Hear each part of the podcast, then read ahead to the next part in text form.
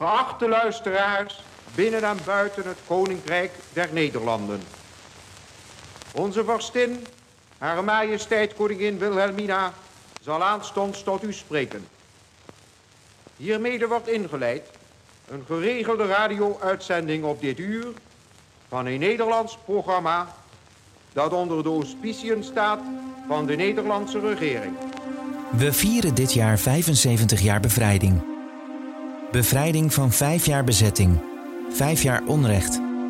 En ook van vijf jaar waarin ons land toneel was van zwaar oorlogsgeweld. Grote delen van het land veranderden daarbij ingrijpend. Na de oorlog zijn de sporen daarvan grotendeels opgeruimd. De mensen wilden zo weinig mogelijk herinnerd worden aan die gruwelijke oorlogsjaren. Maar niet alles verdween. En de laatste jaren groeit de belangstelling voor dat erfgoed uit de Tweede Wereldoorlog. In een serie gaan wij op zoek naar sporen van de oorlog in de gebieden van natuurmonumenten en naar de verhalen erachter. In deze aflevering nemen we je mee naar Schiermonnikoog. Het Waddeneiland heeft een bijzondere oorlogsgeschiedenis. Kees Soepoer is geboren en getogen op het eiland en werkt al ruim 40 jaar als boswachter bij natuurmonumenten. En hij beheert het Bunkermuseum. Een grote passie. Zo blijkt al snel. Een passie die begon in zijn jongensjaren.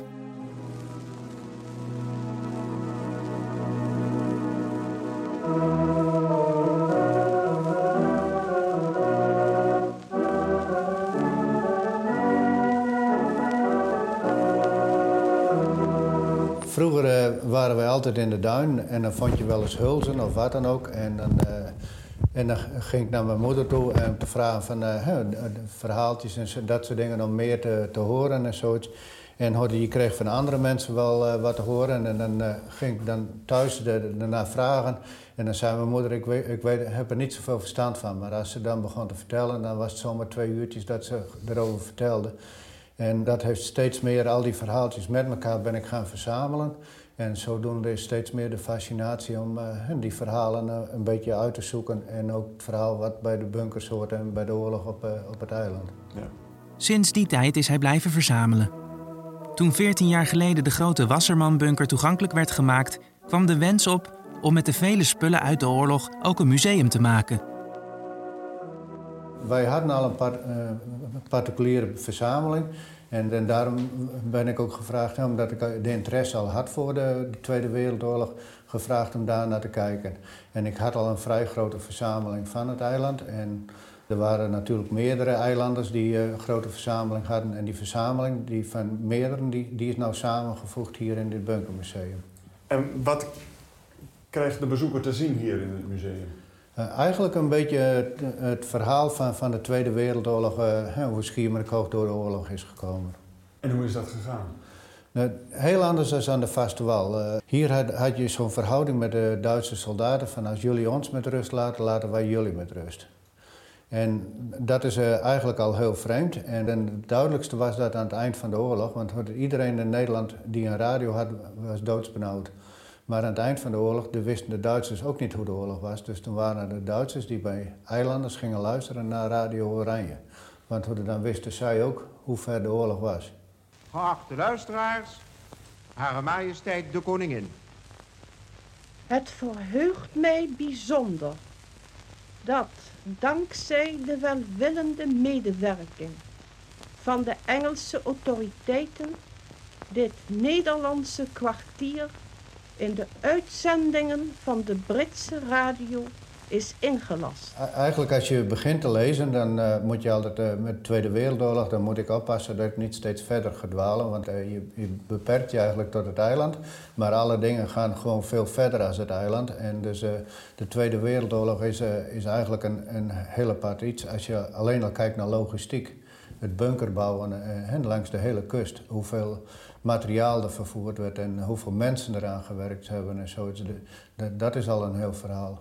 En, en een verhaal wat jou pakt. Ja, iedereen noemt wel eens te werkgestelden. En de, de bunkers werden, het zijn Duitse bunkers, maar werden meestal door Nederlandse firma's gebouwd. Maar die Nederlandse firma's hadden mensen nodig en dat waren ook te werkgestelden. Die, die te werkgestelden waren eigenlijk blij, maar die hoefden niet naar Duitsland toe. Die hoefden niet in munitiefabrieken of zo te werken. Nee. En die konden toch een boterham verdienen en, En- en een gezin onderhouden op die manier. Ja, J- Jij bent geboren en getogen hier op het eiland. ja. En, en eh, nou ja, de, de verhalen van je ouders die zijn, eh, zijn belangrijk eh, geweest. En en van je grootouders misschien ook wel. Hebben, hebben die nou een zware tijd gehad eh, in de oorlog hier? Nee. Het is, hier is geen honger geweest. En ik zei al, hè, van, eh, er was een verhouding met de Duitsers. Als jullie ons met rust laten, laten wij jullie met rust. En eh, het was wel totaal ontregeld hier, want er wonen zo'n 600 me- eh, mensen hier op het eiland.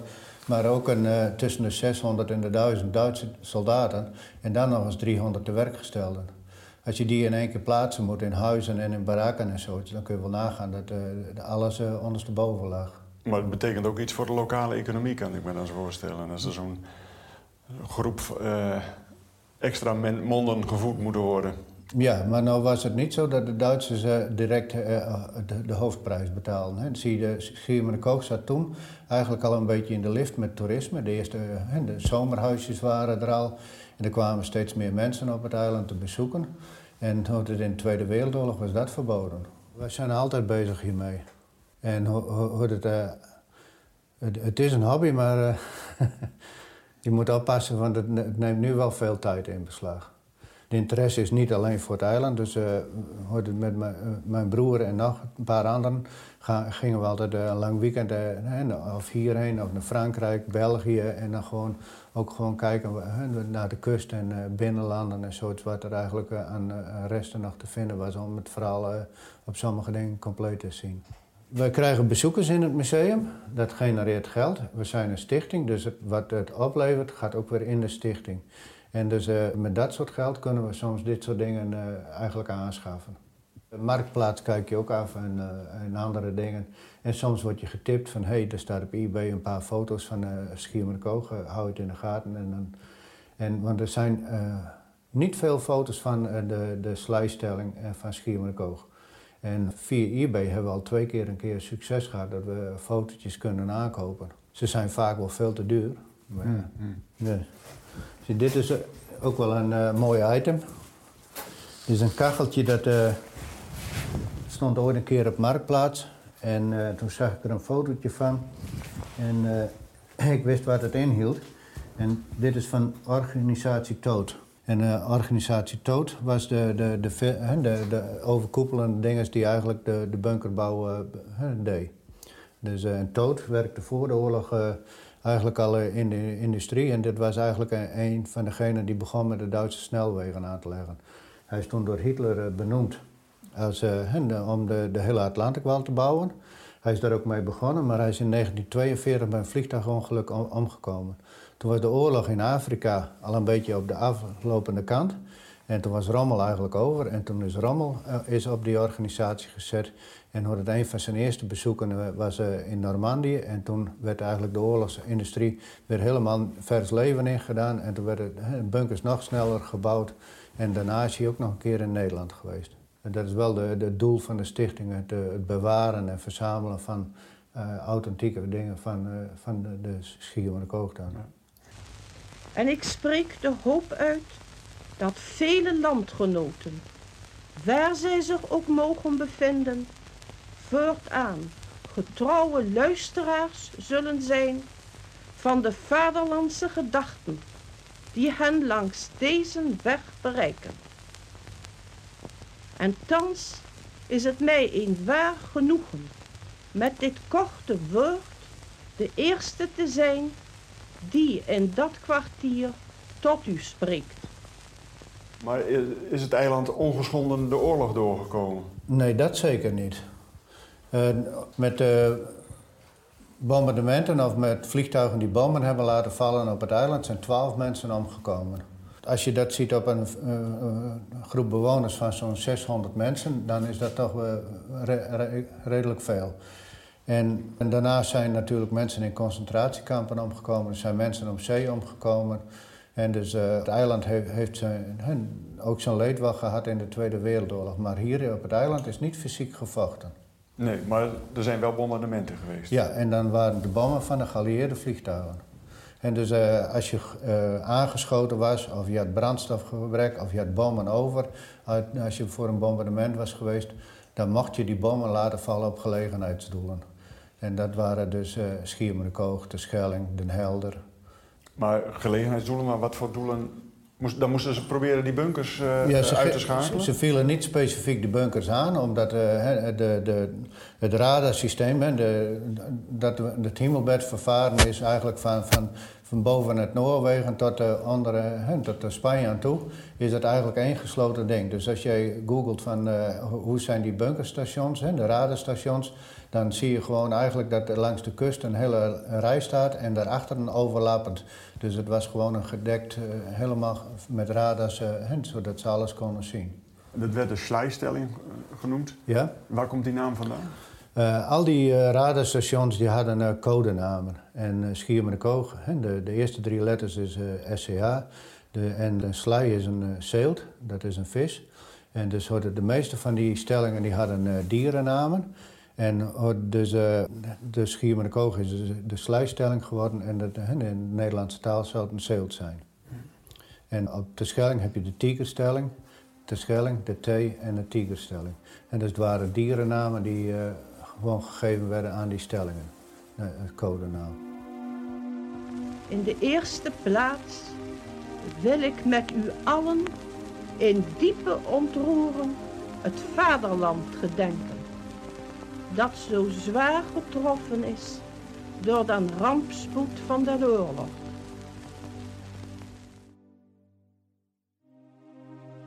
Wat, eh, wat kunnen we hier allemaal zien in het, eh, in het museum? Kun je ons even, eh, Ja? even in, in, in een rap tempo er doorheen loodsen? Ja, in, in de- deze ruimte waar we nu staan is, is eigenlijk mo- momenteel dan de expositie van 75 jaar vrijheid.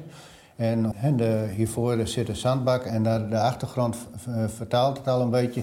En de Aromaans op de achtergrond en Schiermonnikoog. En daarboven hè, de Pointe la Hoc en ook weer Schiermonnikoog. De- Dus het verhaal van, eh, eigenlijk van Normandië tot aan het Schiermonnikoog. En Schiermonnikoog eh, eh, is de, het eiland waar, waar, waar het laatst de Duitsers weggegaan zijn. En de Duitsers hebben het eiland op eh, 11 juni verlaten. Dus 11 juni pas. 11 juni pas.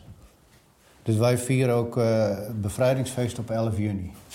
Er zijn toen ook geen aanstalten geweest eh, om, eh, en, en activiteiten om de Duitsers daar eerder weg te krijgen.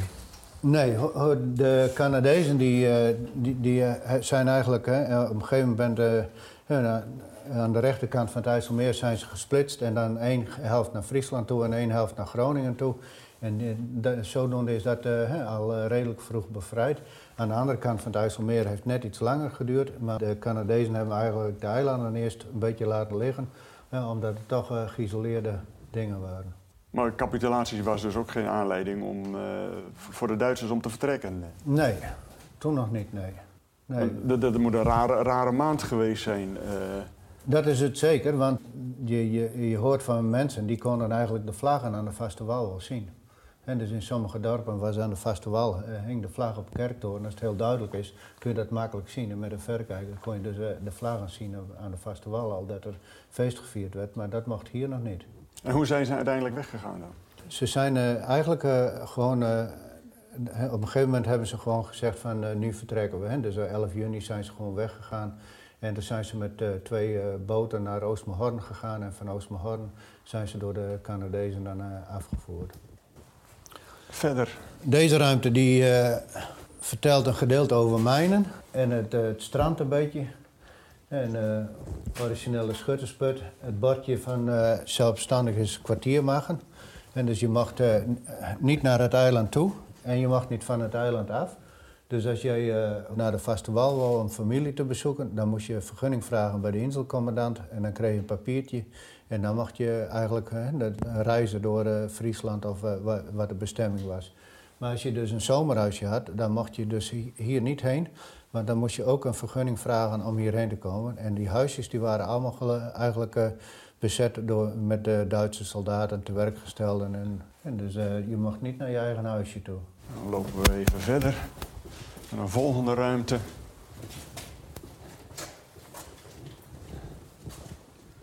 Wat zien we hier, Kees? We zijn in, in- nou in eh, de grootste ruimte van het eh, museum aangekomen. De- deze bunker is eh, van het type Zeeburg. En Zeeburg, dat is eigenlijk voor de, de radarsystemen, die kwamen hier eigenlijk bij elkaar. Vanuit de, alle radars die wat zagen, dat werd doorgegeven aan deze bunker. En vanuit hier werd dus eh, Schaarsbergen werd geïnformeerd, de vliegbasis Leeuwarden werd geïnformeerd om, eh, als er een vlieg, geallieerde vliegtuigen langskwamen, dat zij eh, de, Duitse jagers omhoog konden doen. En de batterie konden benaderen van nee, er komen vliegtuigen aan en eh, hoort het hoe ver ze zijn. Dus de- deze kamer die is een beetje ingericht met, eh, met de, de radardingen eh, die er toen waren. De Zeeburgties, dat is de glasplaat waar de, de JLO, de jachtleidofficier, die kon dan zien waar de vliegtuigen waren. En dan kon hij dus de Duitse jager naar de geallieerde vliegtuigen toe spreken. In het begin was dit systeem eh, heel belangrijk voor de oorlog, want toen vlogen de Engelsen alleen. En die gingen ook bombardementen doen, maar Engelsen hadden niet zoveel vliegtuigen. Dus eh, als ze dan gesignaleerd werden en kregen een Duitse jager achter hun eh, kont aan, dan was het heel, eh, eigenlijk alles al ontregeld. Maar in in eind 42 kwamen de, Amerikanen erbij, de geallieerden dan. En toen gingen ze niet meer zeggen van we gaan met twee of drie vliegtuigen, nee we gaan met 400 of 200. En, eh, en, dan is dit systeem, eh, dan waren ze al zo gauw gezien dat je ze eigenlijk in Engeland al, kon volgen totdat ze hier waren. En dus in het begin was dit redelijk belangrijk en naarmate de oorlog kwam, minder belangrijk. Er waren toen ook minder Duitse jagers, dus het systeem werd steeds minder, eh, ja, voor de beïnvloeding van de Tweede Wereldoorlog minder belangrijk. En hoe groot is het bunkercomplex hier op Schiermonnikoog eh, geweest? En eh, hier, hier van eh, de stelling Sluis staan ongeveer nog 49 bunkers over. En daarnaast zijn er nog heel veel eh, eh, betonvloeren. eh, alles wat na de Tweede Wereldoorlog overeind stond, werd gesloopt. Hier stonden zoiets van een kleine 100 gebouwen. En houten barakken en schuurtjes en zoiets werd direct al eigenlijk gesloopt. In deze bunkers zaten ook geen deuren meer. Hier zaten houten deuren in.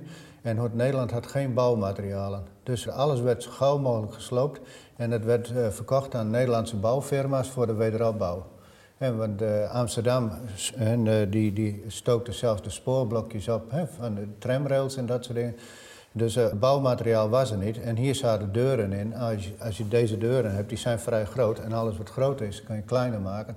Dus al deze bouwmaterialen werden door de dienst der domeinen zo gauw mogelijk verkocht aan firma's. Zodat het voor de wederopbouw weer gebruikt kan worden. Maar 49 bunkers. Eh, nu zijn er nog 49 bunkers ongeveer. Oké, maar er zijn meer bunkers geweest. Eh, eh, ja, gebouwen. Ja. En ja. dus eigenlijk, naarmate de dikte van het beton is de belangrijkheid van de, van de bunker eigenlijk. En, en als het personeel wordt, dan zie je vaak dat de betonvloer en het dak wel van beton is. En de, de, de muren ertussenin van steen.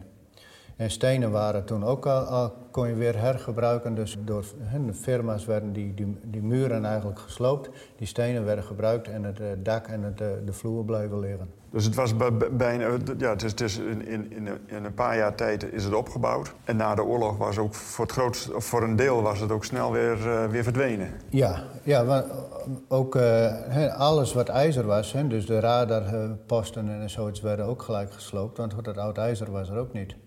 De, de oorlogsindustrie had zoveel ijzer gebruikt, dus eh, om weer de voorraden van ijzer te krijgen in al die, in al die landen, werd dus alles zo snel mogelijk gesloopt en eh, omgesmolten voor andere dingen weer.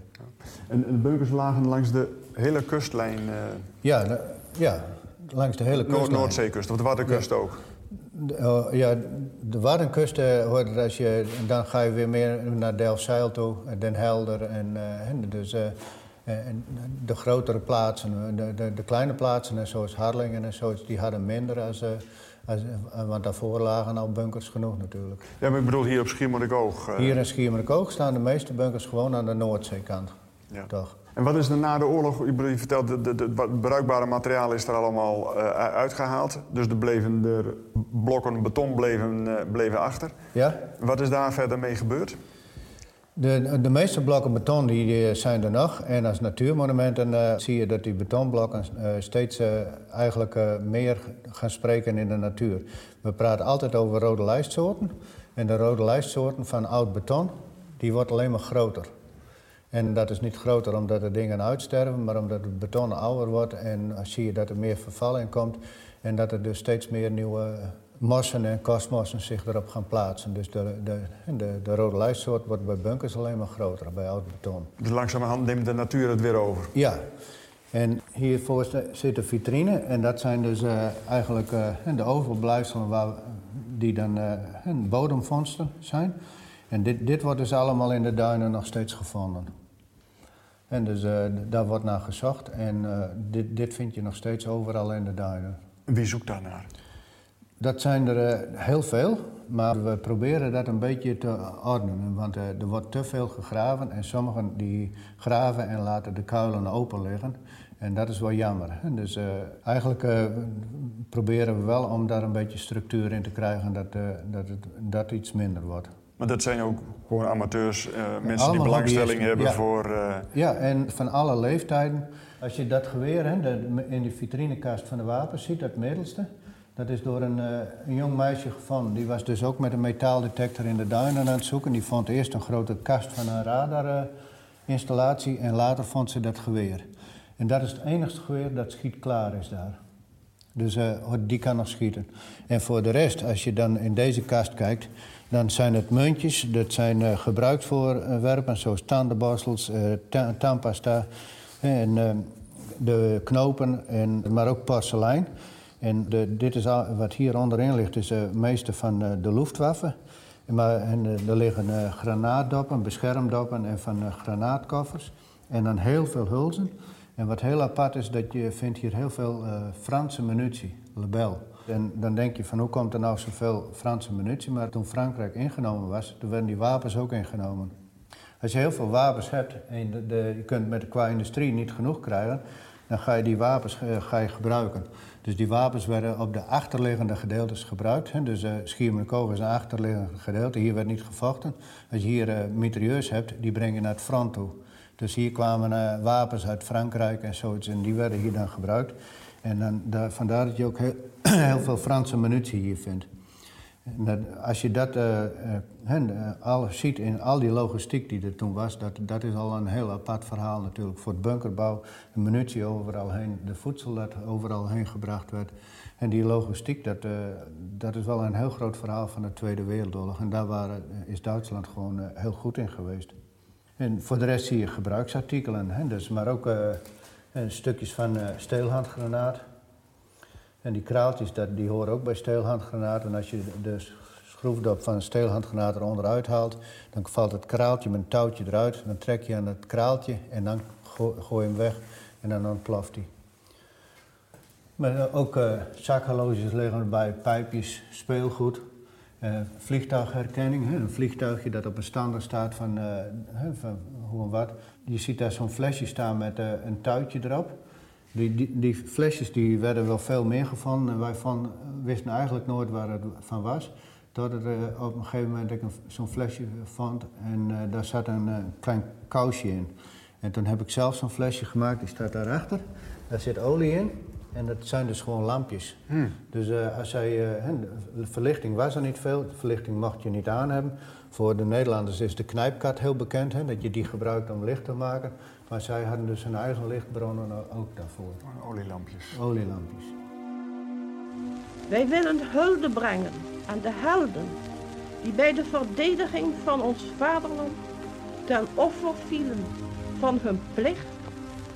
Hulde aan de moed van onze weermacht, die te land, ter zee en in de lucht met inspanning van haar uiterste kracht den zoveel sterkeren aanrander veel langer heeft weten te weerstaan dan deze had verwacht. Dit is de klok uit de kerktoren. Alle klokken werden geconfiskeerd en die werden eigenlijk gebruikt om uh, hulzen van, uh, te, te, om te smelten naar hulzen en munitie. En zo is de klok uit de kerk hier ook weggegaan. En uh, onze klok is eigenlijk bewaard gebleven, want die is in Odoorn terechtgekomen. En daar heeft hij in de kerk gehangen. En na de oorlog, toen was de zoon van burgemeester Jan Eltjes, die, van den Berg, die, was, die sliep een keer in Odoorn bij de koster. En die zei van, hé, hey, de de, de klok van Schiermonnikoog die is hier. En toen heeft hij bewerkstelligd dat hij hier weer terugkwam. En toen heeft hij nog weer een hele tijd in de kerk gehangen, maar hij is beschadigd. Er zit een klein scheurtje in. En toen hebben ze op een gegeven moment besloten om hem eruit te halen. En toen is uh, de klok uh, is hier gekomen. En de noodklok hangt ernaast. Dus toen deze er niet was, toen hing die daar en daar tikten ze dan met een hamer tegenaan en dat was dan het geluid. Maar wat een ontzettend toeval is dat geweest. Ja, ontzettend, ja. Want de meeste klokken die zijn allemaal omgesmolten. En waarom Odoorn een, een, een, andere klok gekregen heeft, ja. dat zijn van die verhaaltjes, daar kom je eigenlijk nooit achter. Nee. Nou, dit, dit is uh, eigenlijk een controleruimte geweest van de bunker. Maar omdat we toch uh, het hele verhaal willen vertellen, hebben we hier een slaapkamer in gemaakt. En dit is eigenlijk, uh, zoals je op foto's ziet, wel een beetje de indeling van een slaapkamer. En waar ze dus ook zaten te eten. Het meeste van dit spul is allemaal origineel. En dus wat je in de vitrine net zag, de, de, met het Luftwaffe-teken erop, dat staat hier ook onder. En dat is hier ook op het eiland gevonden? Uh... Dit niet allemaal. Nee. Nee. En de uniforms? Uniforms zijn niet echt. Want uh, als je echte uniforms hebt, dan moeten ze achter glas. En dat, dat is zo uh, broos en zeldzaam. En dit kun je aanraken, die kun je nog...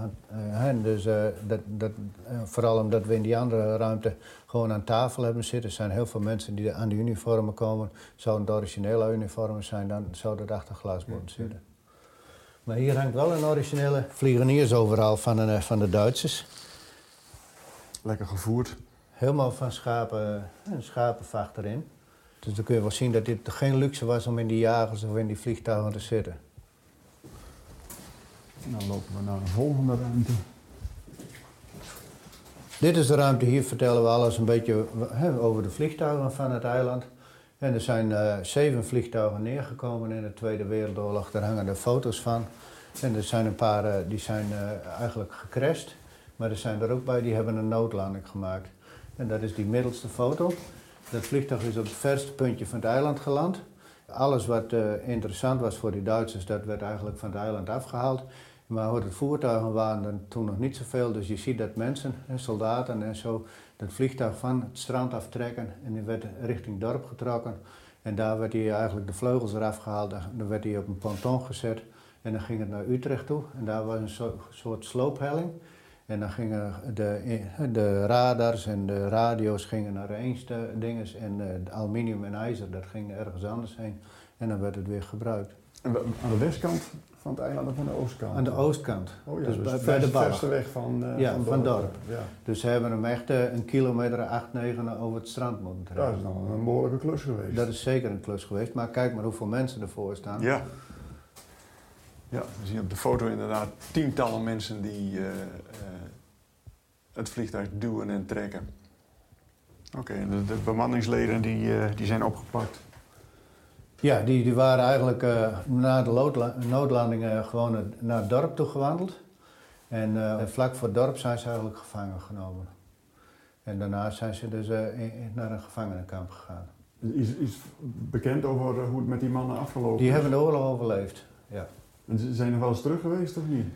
Niet dat ik weet. Nee. nee. Oké, okay, en hier op deze maquette staan een beetje de locaties van de bunkers? Nee, dit is het dorp met, uh, waar de bommen gevallen zijn. Oh, ja. En dus uh, dit is het uh, Hotel van de Werf en de Zeevaartschool. Hier naast stond het burgemeestershuis en daar is burgemeester van de Berg en zijn vrouw bij, om het leven gekomen bij het bombardement. En hier bij het Hotel van de Werf is een bom gekomen aan de middenstreek en aan de lange streek. Hier zijn doden, geva doden gevallen en daar zijn ook doden gevallen. En voor de rest geeft het een beetje aan waar de bomkraters zitten hier op het eiland. En zijn die nog terug te vinden in... Uh... We hebben één boomkrater die uh, achter de eerste dennen. Die hebben eigenlijk uh, door de storm een paar jaar geleden... zijn alle bomen daar omgewaaid. En toen hebben we de bomen er weggehaald en dan wordt het weer een beetje hè, gemaaid en zo. Dus nu valt hij echt op. Maar dan moet je er wel even van het schelpenpad af. Ja. Maar voor de rest vind je nog wel restanten ervan, maar niet zo duidelijk als diezelfde. En, en hoe heb je deze locaties teruggevonden waar de bommen uh, zijn gevallen? Voordat ik ermee begon, waren er al heel veel mensen mee bezig. En uh, eentje die uh, veel van uh, Schiermerkoog eigenlijk ingetekend heeft. Die is bij de verzamelaars en mensen die met de historie van Schiermerkoog bezig geweest. Heeft hij ook gewoon informatie verzameld. En dat is Ab Jansen en die heeft de boeken geschreven Wespennest Leeuwarden. En daar staat heel veel in over de vliegtuigen en de bombardementen van Schiermerkoog. Kees neemt ons mee naar de Wassermanbunker, die op een hoog duin staat. Je kunt vanaf hier over het hele eiland kijken. Nou, hier zit ook een bunker onder. En dat is de aggregaatbunker. En deze voorzag de hele slijstelling van uh, stroom. Deze is ook open. En uh, een paar van die bunkers hebben we open, waar mensen gewoon vrij in kunnen. En daar is deze onder andere een van. Hier staat een aggregaat in en een beetje tekst en uitleg. En uh, hier, er wordt toch heel veel door mensen, die gaan er toch in kijken. Het trekt toch aan, het, uh, een bunker. Ja. En, en er wordt geen, uh, geen troep van gemaakt? Dat is nooit te voorkomen. Dus ook hier, vroeger waren de feestjes in bunkers en dat is nog steeds zo. Ja, ja. En eigenlijk is dat ook helemaal niet erg als het de toegankelijke bunkers zijn. Maar vernielingen en uh, rommel erachter laten, dat uh, zijn mindere dingen. En gelukkig hebben wij niet veel last van gravity. Maar we hebben wel een paar keer gehad dat zo'n bunker er helemaal onder zit. En als je dat schoon moet maken, dat zijn toch nog wel weer vrij hoge kosten. Ja, ja.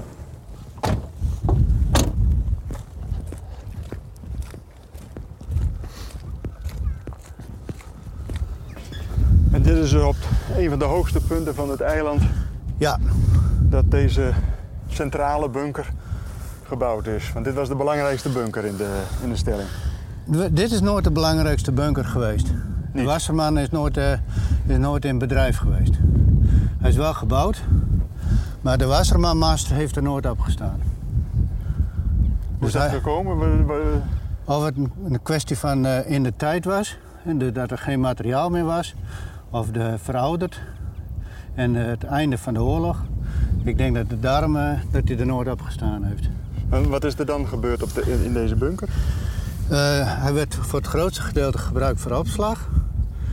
En er wordt ook wel eens gezegd dat er sabotage gepleegd is met een meetfout. Maar wat precies het verhaal is waarom hij niet gebruikt is, dat, dat is eigenlijk niet duidelijk. En waarom wordt hij Wasserman genoemd? Uh, ja, de Wasserman, in de, bij de Duitsers was het geen Wasserman. De, radarmast die erop zou komen was van de type Wasserman.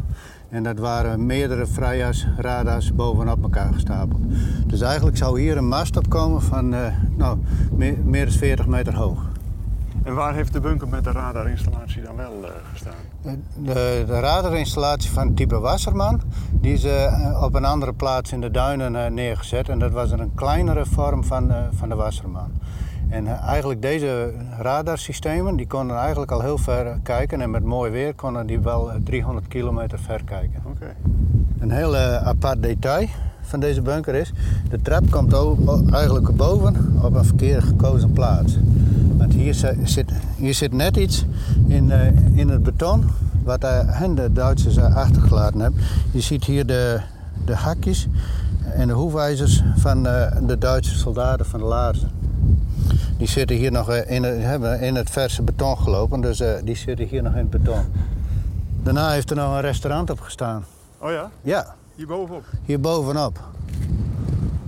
En uh, hij is nog voor de burgerluchtwacht gebruikt. Hè? Dus uh, hier heeft zo'n luchtafweerpost op gestaan. En die, in 64 is dat opgehouden, maar hier stond dus vroeger... Uh, Zo'n luchtwachttoren. Een luchtwachttoren, ja. Dat was hier de kop van de, van de, de bunker. Ja. En die stonden dus altijd te kijken of er straaljagers kwamen. Uit het oosten? Uit het oosten. Ja. Nooit één gezien? Nou ja, als je hier stond en je moest wacht houden... En je had nog zo'n draaitelefoon en dan komt een straaljager aan, want die waren er toen al. Je begint te draaien, 0, 5.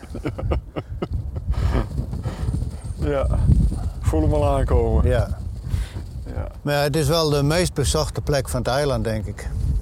Alle mensen gaan hier boven kijken en schoolreisjes uh, komen hier allemaal. En daarom kwam ook de vraag van, kan hij weer open? En, uh, dus uh, we hebben een paar van die nooduitgangen hebben we dichtgemaakt. Hè. Die zitten hieronder, maar wel als luchtververser onderin gebruikt. En er is semier licht in aangebracht en schoongemaakt. Dus we, we hebben er toen zo'n 20 ton puin uitgehaald. En dan nog het zand. Ja, dat is ook een flinke klus geweest.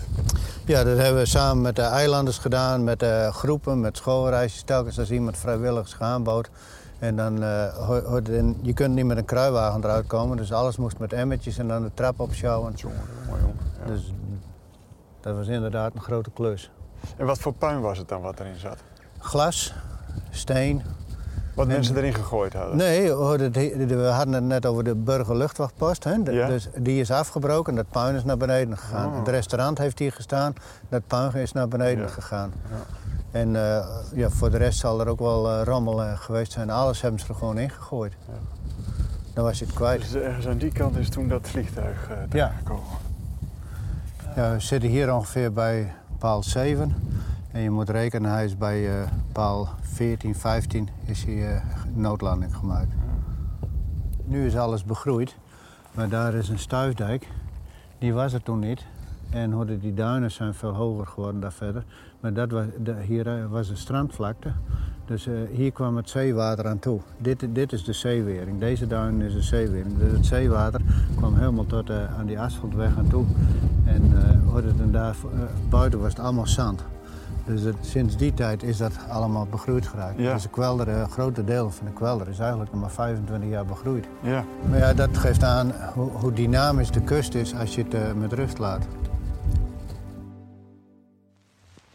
Ik wek mijn landgenoten in het vaderland. En overal waar zij zich bevinden.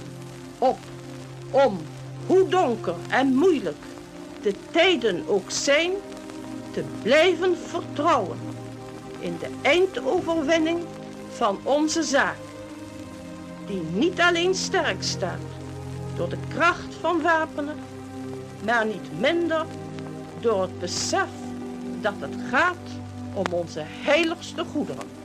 Ik heb gezegd.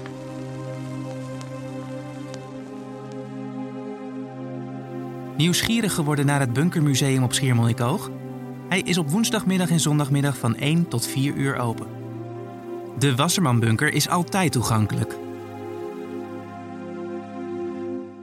Dit was deel 3 van de podcastserie over de sporen van de Tweede Wereldoorlog in de gebieden van natuurmonumenten ter gelegenheid van 75 jaar bevrijding.